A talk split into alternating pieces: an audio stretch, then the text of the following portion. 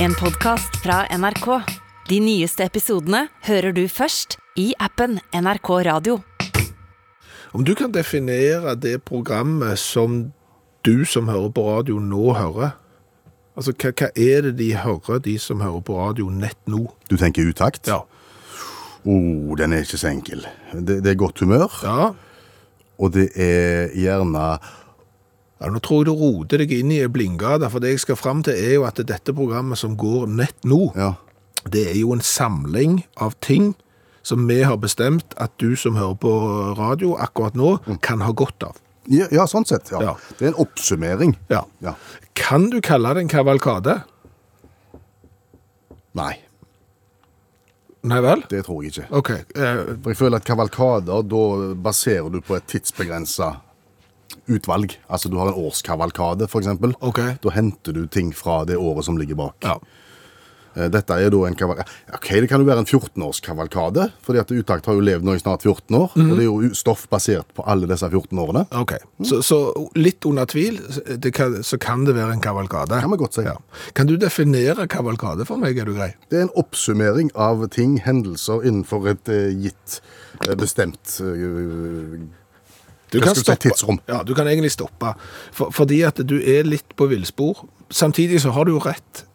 Men altså, når jeg slår opp eh, kavalkade i, i norsk eh, ordbok, så står det jo eh, kavalkade via fransk cavalcade, som er et rytteropptog. OK. Ja.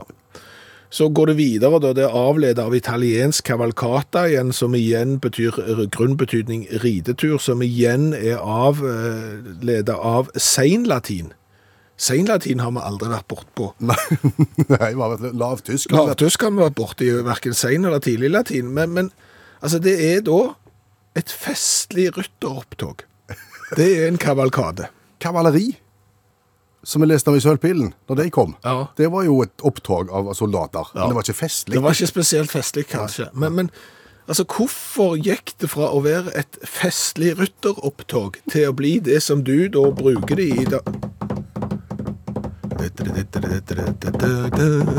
Ja. Nei, det kan du si. Ja. Det er et stykke derfra. Så, så det er jo noen sånne ord som vi bruker med største se- eh, selvfølgelighet, Mhm. Ja. som vi overhodet ikke har eh, aning om hva egentlig betyr. Nei. Så når du da definerer kavalkade som en sånn et eh, Ja, så, så er, er vi faktisk eh, litt på villspor. Så det vi egentlig presenterer nå, det er et festlig rytteropptog. Hjertelig velkommen til et festlig rytteropptog som varer i ca. halvannen time. Ja. Da er vi i gang. Når vi vokste opp, Ja. la oss si vi var ti år, 1980. Mm. eh, kikket i aviser, eh, kikket i blader og den slags, hva tid trodde du da skulle komme flygende biler? Og det var mye spådommer, det var mye snakk om den slags. Ja. Eh, Men det var mye som skulle skje rundt eh, 2000, rundt årtusenskiftet. Ja, Ja. ja det trodde jeg òg. Og eh, tilbake til fremtiden, eh, filmen, Back to the Future, der eh, drev du vel og fløy med biler på 2000-tallet, så det var jo helt bombesikkert at det eh, kom til å skje. Ja. Har jo ikke skjedd. Har ikke det. Eh, vel kanskje nærmere nå enn noen gang, men det vil jo alltid bli. Godt poeng. Veldig godt poeng. Men, men, men jeg kom over en artikkel eh, over noen som eh, la oss si at de bomma litt på satsinga si. Ja vel, med tanke på f- flygende biler. Eh, ja, nesten. Flygende bobiler. Finnes det flyvende bobil? Ikke nå lenger. men det gjorde. Var det noen som hadde en plan om flygende bobil? Ja, ja, ja. Hvem da?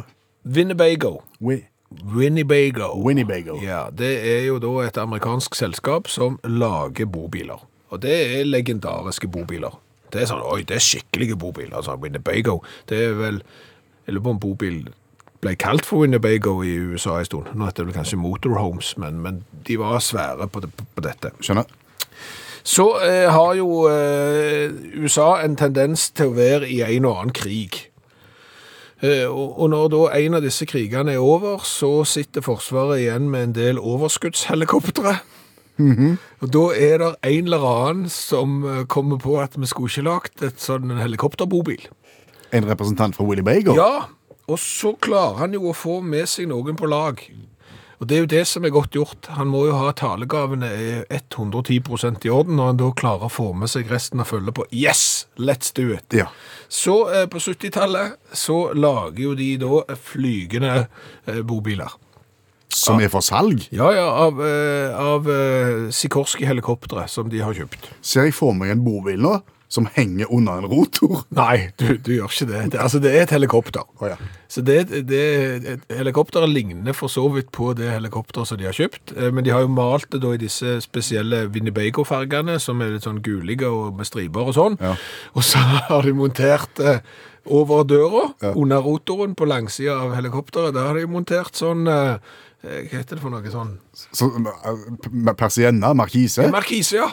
så du kan ta ut når du skal du- sitte med campingstol Ja, under. ja, og så har de jo innreda det med kjøleskap og med bord og med sengeplass til opptil åtte stykker, og det er ikke måte på alt de har. Eh, blir det en kommersiell suksess, tror du?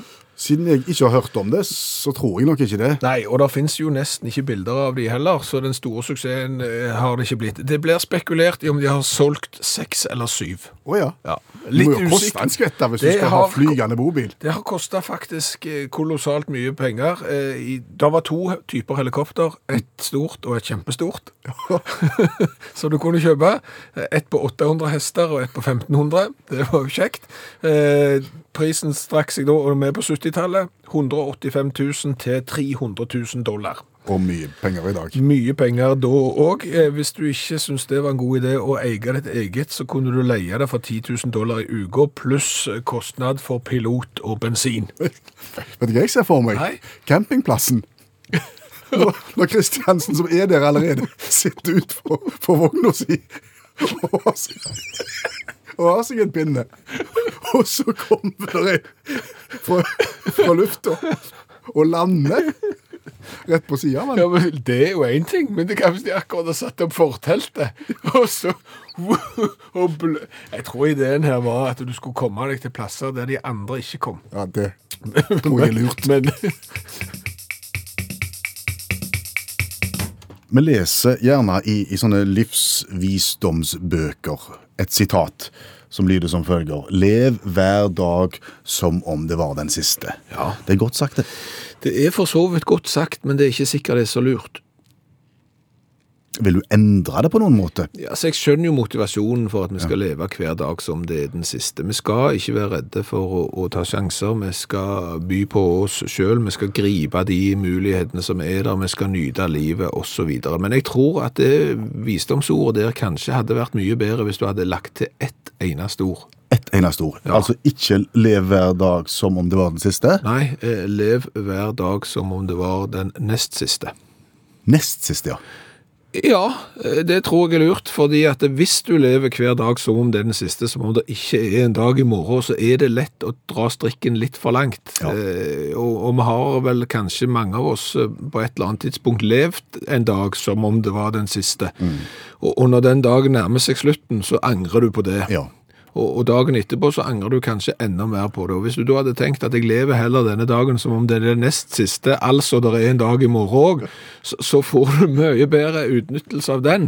Og den dagen som kommer etterpå, det vil jo òg være den nest siste, og så lever du den som om det er en dag etterpå der igjen òg. Litt sånn voksen villegal, på en måte. Ja, kanskje. men sant? Ansvarsfull villegal. Jo, men det betyr gjerne at istedenfor å spise tre hamburgere, så spiser du én, og, og, og sånn, og så oppfører du deg eh, bitte, bitte litt bedre. Det er liksom som å leve hver dag som om det er den nest siste, det vil si du går fram til stupet, men du lender deg ikke fra, ut for å så se nedover, hvis du skjønner. Så skrev jeg sånne bøker, du, Kjell. De siste par åra så, så har jo digitale møter, såkalte Teams-møter, de, de har jo tatt over eh, for de analoge. Ja. Har du et inntrykk av at de er kortere eller lengre, disse Teams-møtene, enn de, de gamle analoge? Jeg følger kortere. Ja, jeg, jeg føler òg at de er kortere, men de føles lenger, hvis du skjønner. Ja, det kan være. Altså, Egentlig så føles jo alle møter lange, men jeg føler at Teams-møtene fø- oppleves lengre enn de faktisk er. Men, men det dukker jo opp et spørsmål da i kjølvannet av dette. Hva er verdens lengste møte? Ja, hvor lenge kan et møte vare? Det har vi jo ikke svar på. Da må vi spørre allmennlærer med to vekttall i musikk, Olav Hove. eh, Hvor lenge kan et møte vare? Eh, kjent nå er at eh, Toronto-ordfører Rob Ford hadde budsjettmøte i 2011, som noen mener er det lengste møtet gjennom tidene. Eh, han hadde hatt masse møter med politikere i forkant, for, for det er sånn smarte politikere gjør. sant? Du avtaler på forhånd, og så bare så, så han sa så møtes vi klokka sju på morgenen. Er det noen som har noen innvendinger, så kom med dem, så er vi ferdige til lunsj. Og det stemte, de var ferdige til lunsj dagen etterpå. 22 timer og 25 minutter med spørsmål fra politikere i Toronto hadde ikke helt gjort jobben sin. 168 politikere hadde innvendinger av 300. Eh, men det blir bare peanuts mot det i 1998 når styret i IASC møttes. Nå tenker nok den observante lytter at IASC er jo selvfølgelig den arktiske polarforskningskomiteen, men det er det ikke.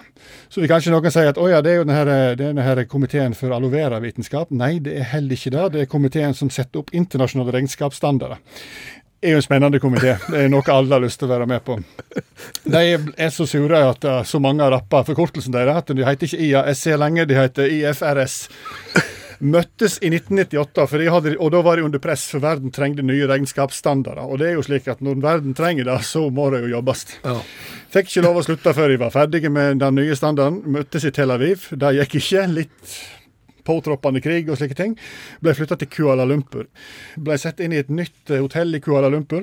På Panoramautsikt til verdens første og største eh, kunstige strand. 39 grader i Kuala Lumpur. Det nye hotellet holdt 19 hustrende grader inne, og det holdt det hele veka. Eh, så folk satt der inne, så på folk som bada i 39 grader, og de hadde møte, og de fikk ikke lov å slutte. Satt fra 8 til 20.30 første dagen, og slik fortsetter det i sju hele dager. 87,5 timer holdt i møte, eh, og kom ikke fram til noen ny regnskapsstandard. Men det blir altså igjen bare peanuts hvis du går til kristendommen og religion. Pavevalget i 12, eh, 1268, når, eh, når Gre- Georg 10. ble valgt, der, holdt- der møtet varte i to år og ni måneder før de ble enige. Moderne historie er 1740-valget. Da var det 181 dager før pave den, Benedikt 13. ble valgt. Da begynte de med 103 eh, kardinaler.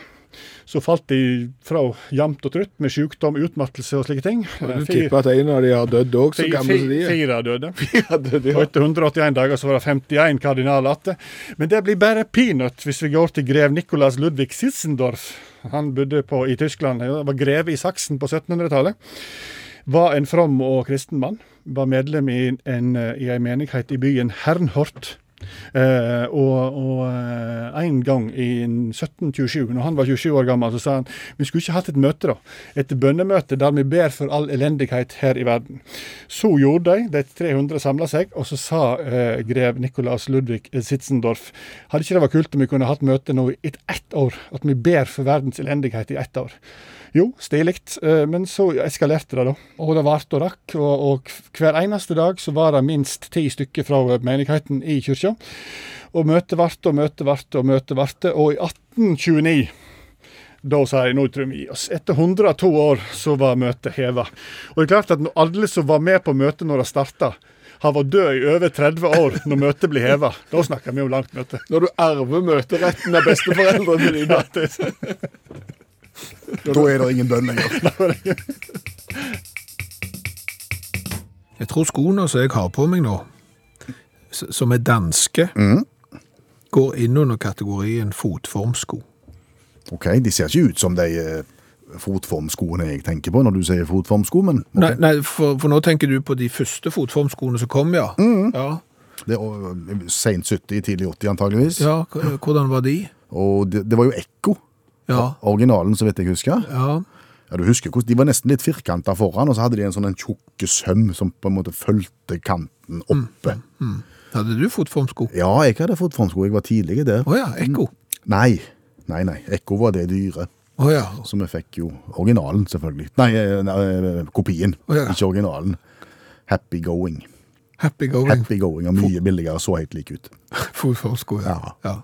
Ja, Du hadde jo ikke levesbukse heller, du. Nei, nei. Du hadde Lucas. Jeg hadde Lucas. Ja. Men du, til, til, tilbake til fotformsko.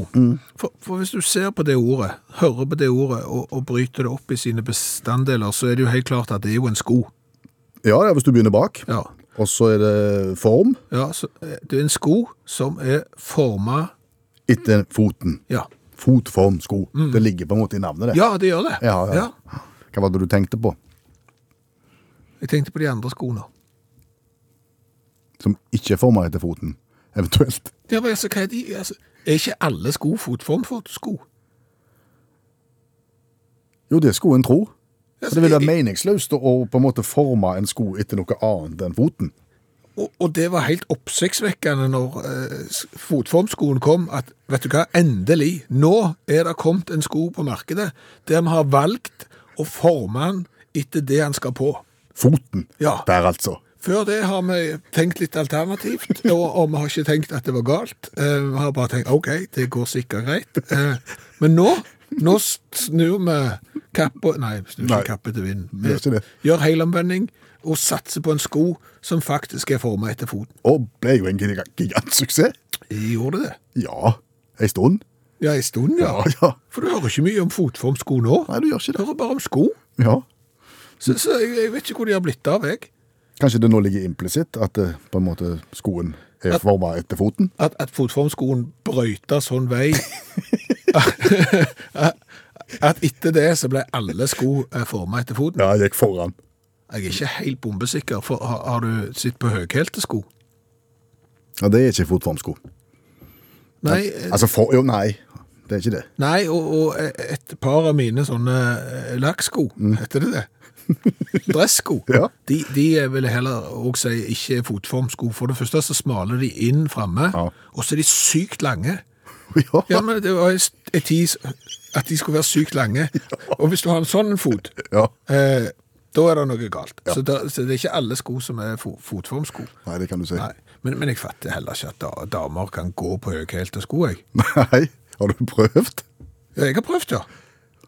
Og er det noe du vil fortelle nå som, du, som vi ikke har Å, snakket ja, om? nei, ja, nei, det var ikke, ikke sånn. Jeg har ikke gått og så stjålet eh, høyhælte sko av i noe klesskap hos noen. Nei. Det har jeg ikke gjort. Men eh, vi skulle spille eh, til fest og basar og dans, Du, I orkesteret ditt? ja, og så arrangøren viser seg da at eh, liksom på backstagen der så har han hengende gullskjorte Oi. og høyhælte platåsko i størrelse 44. Altså høy helt til platåsko, ikke det smør på flesk? Nei, for da er det sånn at den Det heter ikke hælen framme, gjør det det? Nei. Nei, men den Ja, hælen framme, Ja. den er fem centimeter, og hælen bak, eh, den er ti. Og det er litt sånn ABBA og Kiss og sånt. Ja. Sånne svære greier. Og- Ja, og- Stylter. Og, og se for deg den. Mhm. Komboen der, gullskjorte og platåsko. Hva tror du jeg gjorde? Du gikk på scenen sånn, Ja, og selvfølgelig- tøffa deg kraftig. selvfølgelig. Ja, ja. Ja. Hvor lenge varte det? Cirka 45 sekunder. Så ble det krampetendenser. Sykt vondt i beina av eh, å- å gå på høyhælte sko. Ja. Og, og det er klart, da ender du jo med at du må stå på scenen og ta av deg platåskoene. I gullskjorte. Og, og da står du igjen som en litt sånn en visesanger, sånn barbeinte som mener det de synger. Ja, men det har ikke gullskjorte. Nei, de har jo ikke det, så det var jo en kombo som ikke henger på greip. Nei. Og etter det så har du bare spilt i fotformsko. Hvem er Leika? Leika, jenta fra verdensrommet. Nei, det var Ja, det er Maika. det er Maika, det. Ja, Leika, det. ja men med sølvfarge i ansikt og månestøvler. Ja, skummel. Leika. Leika er et album som eh, Åge Aleksandersen ga ut på, på 90-tallet. Ja.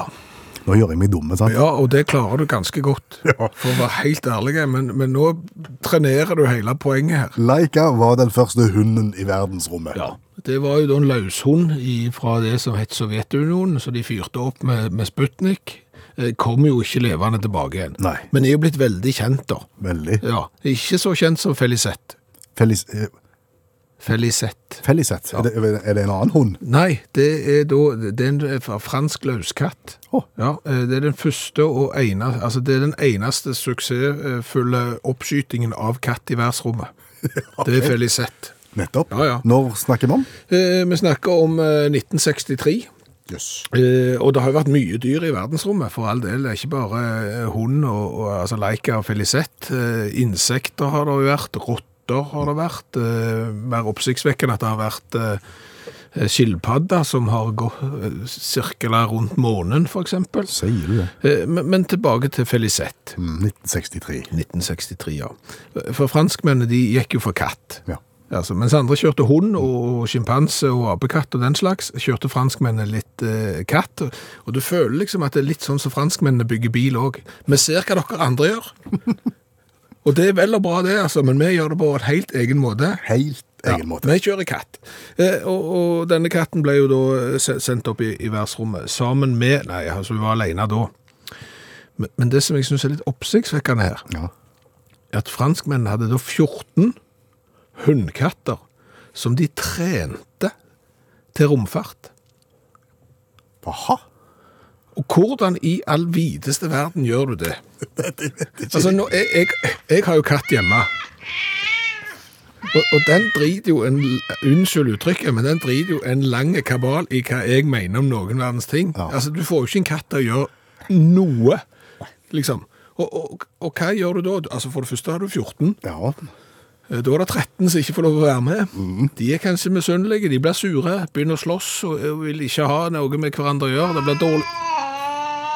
Og det er en katt? Ja, det er en katt. Det er en sinte katt. Å ja. Så begynner de å slåss.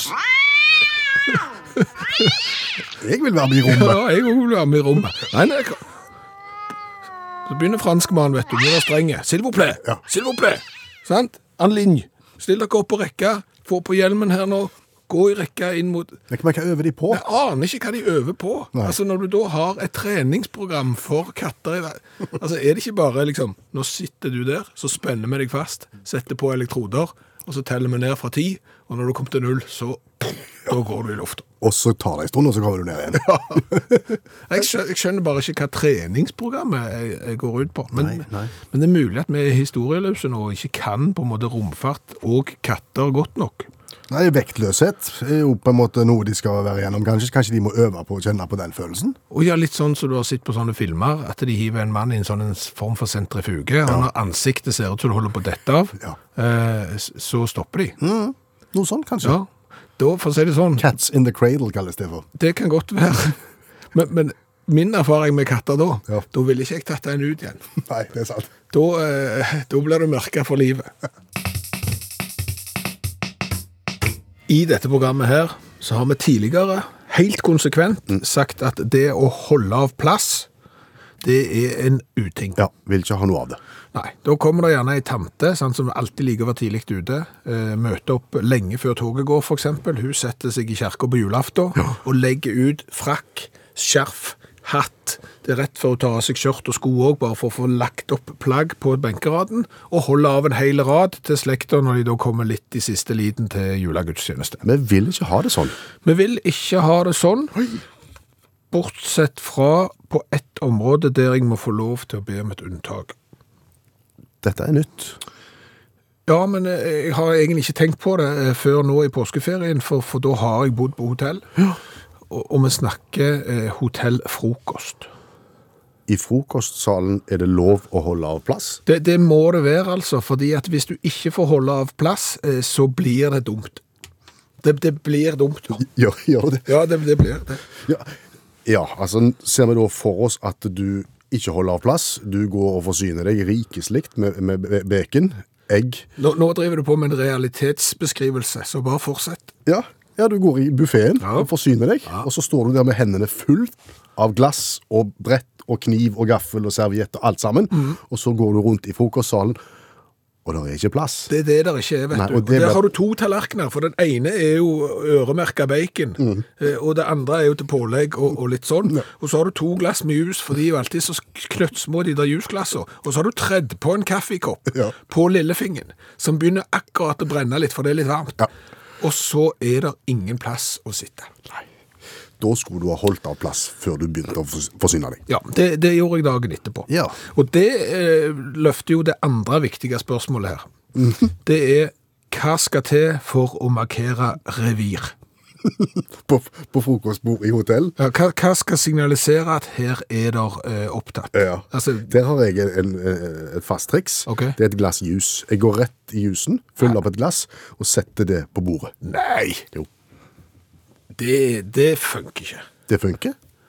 Altså Hadde jeg sett et enslig jusglass stående når jeg sto der med halve buffeen i hånden, så hadde jeg satt meg ned der, for da hadde jeg tenkt det er noen som har mangla ett glass. De har ikke drukket opp, og så har de gått. Og så har de ikke fått tid til å rydde. Her sitter jeg. Ok. Halvt glass hadde jeg vært med på den, men fullt glass, da tenker jeg her er det noen som Ja, er men Det er jo de samme som meg som har hatt med seg flere glass bort fordi at det ett er altfor lite. og så har de fått et. Så Det går ikke. Så, så eh, mobiltelefon, Nei, Du legger jo ikke fra deg det mobiltelefonen. trodde ikke jeg heller. Nei. Før jeg oppdagte det på hotell, at noen markerte revir med å legge igjen mobiltelefonen sin. Hadde jeg sett en mobiltelefon på et frokostbord i en hotell, frokostsal, Ja. så hadde jeg tilkalt personalet og sagt at her er det noen som har glemt telefonen sin, den bør du kanskje levere på hittegods. Jeg hadde ikke tenkt at her er det noen som markerer revir. Så har du jo klær. Ja, heng jakke på stol, det men sa- funker. Ja, men det funker. Men når du har stått opp, Mm. kledd deg og gått ned til frokostsalen, hvor mye jakke har du på deg? Du kan ikke ta av deg skjorte og gå rundt i bar overkropp heller. Det vil jo være særdeles dumt. Ja. Så du har veldig lite å markere eh, på en måte revir med. Lite å by på. Ja, rett og slett. Og det, det er en utfordring. Har du løst dette? Nei, jeg har ikke det, men, men jeg har opplevd en metode som jeg aldri har opplevd før, og, og, og tenkte, går det an?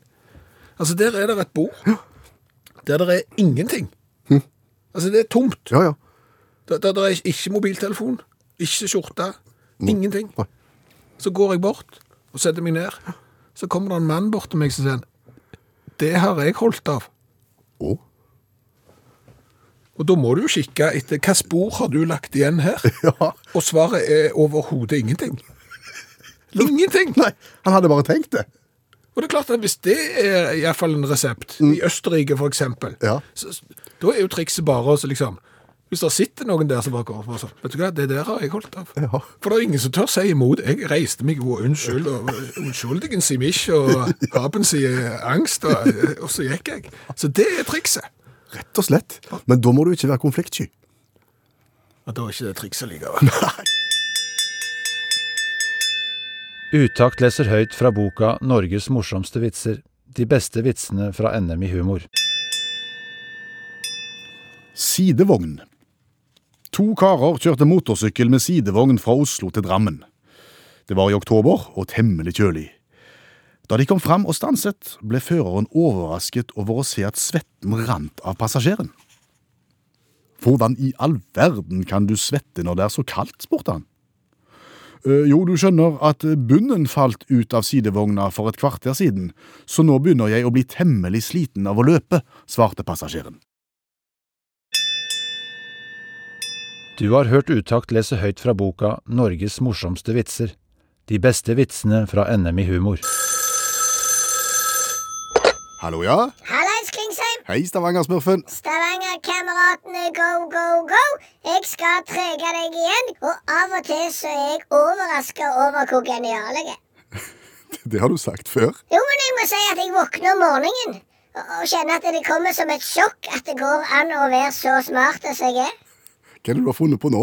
Jeg har funnet ut at jeg skal bygge berg-og-dal-bane Hvor da hen? eh, mellom Stavanger og Oslo. Er det genialt? Det er kjempegenialt! Hva da for? eh, Fordi du skal frakte folk. Ja, det skjønner jeg jo. Ja, ja, og du skal frakte folk billig. Ja vel. Jeg må si jeg er overraska at ingen har tenkt det før. Men det er gjerne sånn med, med geni at det som virker helt dagligdags og, og selvsagt for oss, er en tanke som ingen andre klarer å tenke. Nettopp. Ja. Vet du hvordan jeg kom på det, Klingsheim? Kv- Kvinnesland heter jeg. Ja, Samme kan det være. Vet du hvordan jeg kom på det for det? Nei? Jeg leste en artikkel om at to mil med jernbane i Norge Ja. koster like mye som seks mil motorvei, én opera, et sykehus, tre jagerfly og KNM Helge Ingstad til sammen. Er det sant? Det er sant! Det er sinnssykt mye penger. Sinnssykt mye penger, ja! 29 milliarder kroner for å bygge 21 km med jernbane fra Fredrikstad til Sarpsborg. Ok. Jeg må nesten le! Ja vel. Er det mulig? Ja, det er visst det. Ja. Og vet du hva? Nei. Så, så leste jeg om Steel Dragon 2000. Om Hører du seint, Klingsheim? eh, Kvinnesland heter jeg. Ja, samme kan det være. Du må jo høre seint. Steel Dragon 2000. Ja, hva er det? Det er verdens lengste berg-og-dal-bane. I I Japan. Å ja? Ja, 2,5 km lang. Aha. Dyre var den òg. Hva koster den? 450 millioner kroner. Ja, Var det mye sett i perspektiv i forhold til det som du nettopp sa? Ja, se nå, se nå! Nå, nå er du på ballen, Klingsheim. Se Kvinnesland. det, nå begynner du òg å boble. Nå er du med på tanken her. Nei, det er gratis. Gratis er det ikke. Ja, nesten. Det er 183 millioner per kilometer. Ja. Og da slo det meg. Det er ikke lenger enn 300 km i luftlinja mellom Stavanger og Oslo. Let's go crazy. Bygg berg-og-dal-bane i stedet for. Bygg berg-og-dal-bane rake veien, og er det en eller annen hindring, så er det jo sånn berg-og-dal-bane. Du kan bare gå over eller rundt. Folk syns bare det er kjekt. Og den der han, eh, Steel Dragon 2000, Ja. vet du hvor fort han går? Nei, Han går 150 km i timen. jeg er fort det. Ja, ja, det vil si det er to timer mellom Stavanger og Oslo i berg-og-dal-banen min. Ok. Hvor ofte skal den gå, da? Når du vil! Når du vil, ja. Ja, men det er jo det som er fordelen. Du står i kø. Ja, Når din tur kommer, så kommer det ei vogn. Så det er ikke rutetider her eller noen ting. Det er bare raka veien straight to Oslo. ok. Ja, ja, ja. Jeg tenker eh, vær og vind. Ja, Du må ikke tenke så mye, Klingsheim. Det har du ikke godt av. Nei, men når du begynner å tenke, så, så fører det ikke noe godt med seg. Jo, men vi må jo ha lov å stille kritiske Jo, spørsmål. men det har jeg jo tenkt på. Hva har du- Jeg skal jo ha lukka kabin. Å, ja. Skal du selge sukkerspinn og og den slags på perrongen nå, da? Ja, jeg blir så jæklig kvalm jeg, når jeg får sukkerspinn og kjører berg-og-dal-bane, så jeg vet ikke det. Men eh, vil du ha litt av tivolifølelsen, så ansetter vi jo da bare noen østeuropeere i joggebukser som står og røyker og tar imot billetter. Så får du tivolifølelsen. Skal du til Oslo? Kom, du skal få dra på Oslo. Så blir det tivolifølelse med en gang. Eh, Har du noe perspektiv her på, på tid og sånt? Altså, Kjenner jeg norske politikere rett, så kommer det ikke til å skje en puck. Nei, det tror jeg nok ikke, nei. De har jo ikke evnen til å hive seg rundt. Nei vel. Så, så her, her må det bare komme en sånn en, Hva heter det? Po, oppos... is- Opp, nei, ø, folket må danne en opponi... Opinion? Ja! Ja. Ja, ja, og legge press Ja? eh, for å få dette til. For det første er det billig, for det andre er det kjekt, og for det tredje så er det raskt. Ja. Ja, Det er sånn Colombia-egg. ja. Det aner jeg ikke hva er. Er du med, Klingsheim? Dette frister Stavanger-smurfen.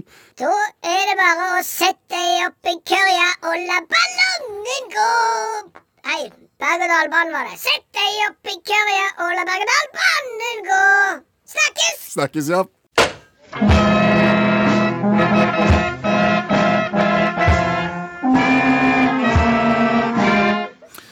Du har jo vært med i Speideren. Ja ja, alltid beredt. Ja, ha- ha- men har du vært med i en eh, akklimatiseringsforening noen gang? Nei, det kan jeg ikke si. Hva har det med speiding å gjøre? Nei, det har ingenting med speiding. Det bare var- var en utbredt eh, form for eh, aktivitet på slutten av 1800-tallet. Da var det svært mange eh, verden over som var med i akklimatiseringsforeninger. Hva drev De akklimatiseringsforeningen? drev med med akklimatisering De gjorde det, ja. av dyr. Av dyr? Ja, Det vil si at du skal da flytte dyr eh, fra et sted over landegrensene til en annen plass der det egentlig ikke hører hjemme, eh, men for å få, få gang på at disse dyra kunne spre seg verden over. Åh. Ja. Hva var det som kom på det først? ja, da kan du nesten gjette. eh, Det er en franskmann. Nettopp. Eh, Egentlig ikke så god på dyr. Eh, Han heter Saint-Hilaire, og han var egentlig da spesialist i sånn leppe-kjeve-gane-spalteproblematikk. Men plutselig så befant han seg i en eh, jobb på det hu- historiske museet i Paris. Der fikk han kanskje litt for mye tid til å tenke seg om. Å. Og da begynte han også å se på, på dyr som, med, med et filosofisk blikk. Å ja. Og- Og det vet jeg ikke om det kom så mye godt ut av, for han mente jo da at dyra de eh, skulle samhandle med menneskene. Dyrene skulle få nesten få lov til å være i passasjersete på menneskenes vei mot samfunnets framgang og fornuftens triumf. Oi, oi. Og du ser jo med en sånn språkbruk så må det jo gå galt. Ja, det var det jeg følte på. Ja.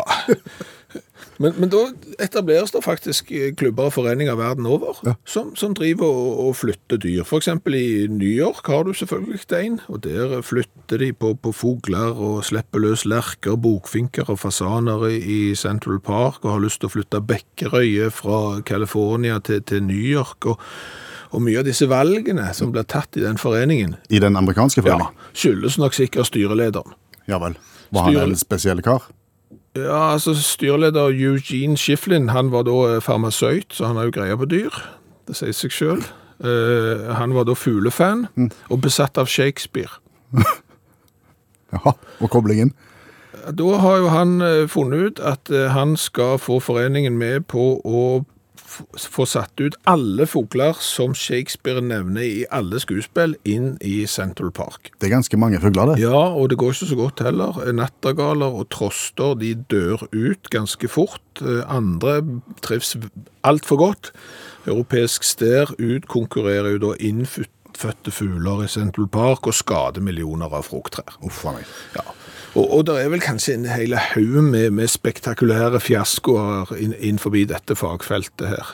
på andre ting enn fugler òg. Ja, ja, ja. Altså, første gang de skulle ta kameler til Australia, for eksempel, eh, så dør jo alle eh, kamelene under transport på grunn av dårlig vær, bortsett fra én, Å. kamelen Harry. Harry. Ja, når han kommer fram til Australia, så blir han jo veldig populær, da, helt til han ved et uhell dreper eieren sin John, fordi han dunker borti John mens John driver og renser en pistol. Da får han på pukkelen. Da får, da får han på bukkelen. Og, og kaniner har vi hørt om på, Aust- i Australia. Ja, det, de blir det veldig, veldig mange av. Utplassert, det samme med pungrotter på New Zealand, og så tenker du ja, ok, vi får plassere ut en annen art som kan ta seg av pungrottene. Da tar de røyskatten, den begynner da å spise fugler istedenfor pungrotter, og dermed så er jo fiaskoen et eh, faktum. Og du kan vel si at det er disse fiaskoene her som gjør at disse foreningene i- til slutt da eh, dør ut. Ja, men Vi hører jo ikke om de i våre dager. Nei, nå har du en helt annen måte å se på dette eh, på. Eh, Helt til slutt har har vi tid til den siste middagen til den opprinnelige franske foreningen. Hadde de avslutningsmiddag? Eh, På en måte avslutning og avslutningsmiddag, fordi at eh, det var en krig mellom Frankrike og Tyskland. 1870 så beleiret tyskerne da Paris, og det er vanskelig å få tak i mat. Eh, Folk i Paris spiser hva som helst, enten det er hest, hund, katt eller til og med ei rotte. Men disse fine folka til han der han med leppe-ganespalte-greia, Ja. de kan ikke spise det. Så da tar kokken og tilbereder de fleste dyrene i dyrehagen som de da har henta inn. Hva står da på menyen? Da er det blant annet julemiddag bestående av stekt kamel, kengurustuing og, og elefantsuppe. Elefantsuppa. Og så la de ned foreningen, og så var det takk for i dag. Vet du hva de hadde til dessert?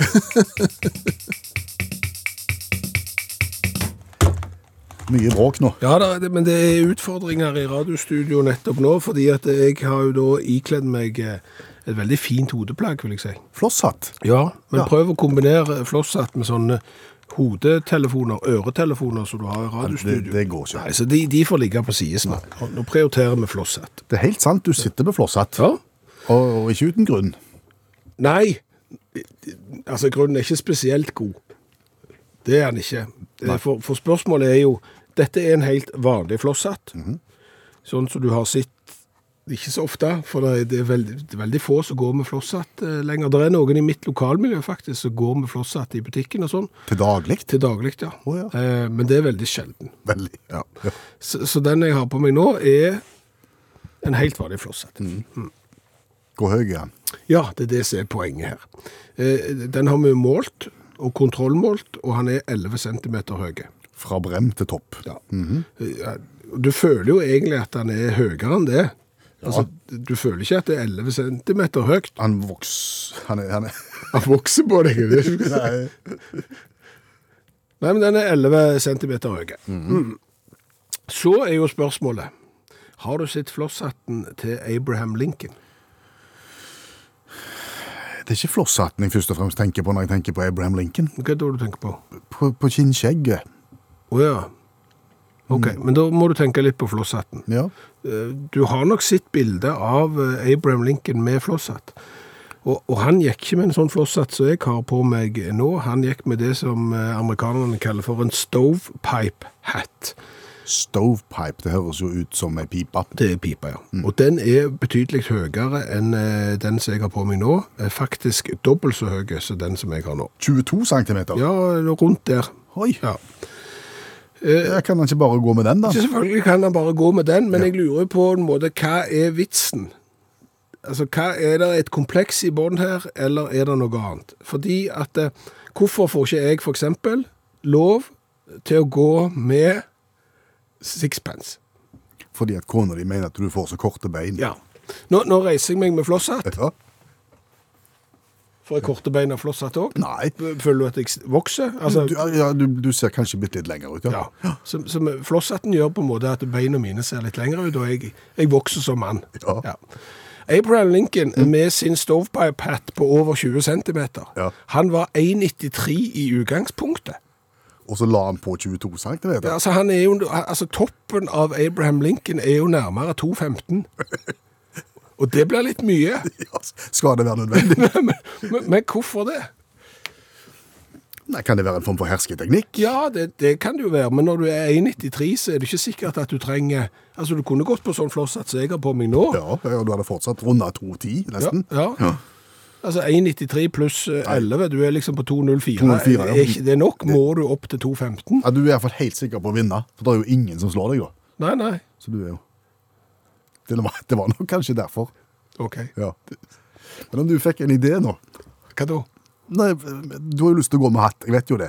Og så og så er jo sixpensen utelukka. Sixpence er utelukka på, for da får jeg så korte, bein. Og nå fikk du lange bein. Kan det være at vi Jeg tror det må være 100 sosialt selvmord hvis jeg eh, havner, havner i butikken med, med, med flosshatt. Tra-la-la-la-la-la-la. Jaha, det var ikke mer. Sett nå kaffekjelen over og slapp av, og kos deg litt. Takk for nå. En podkast fra NRK. De nyeste episodene hører du først i appen NRK Radio.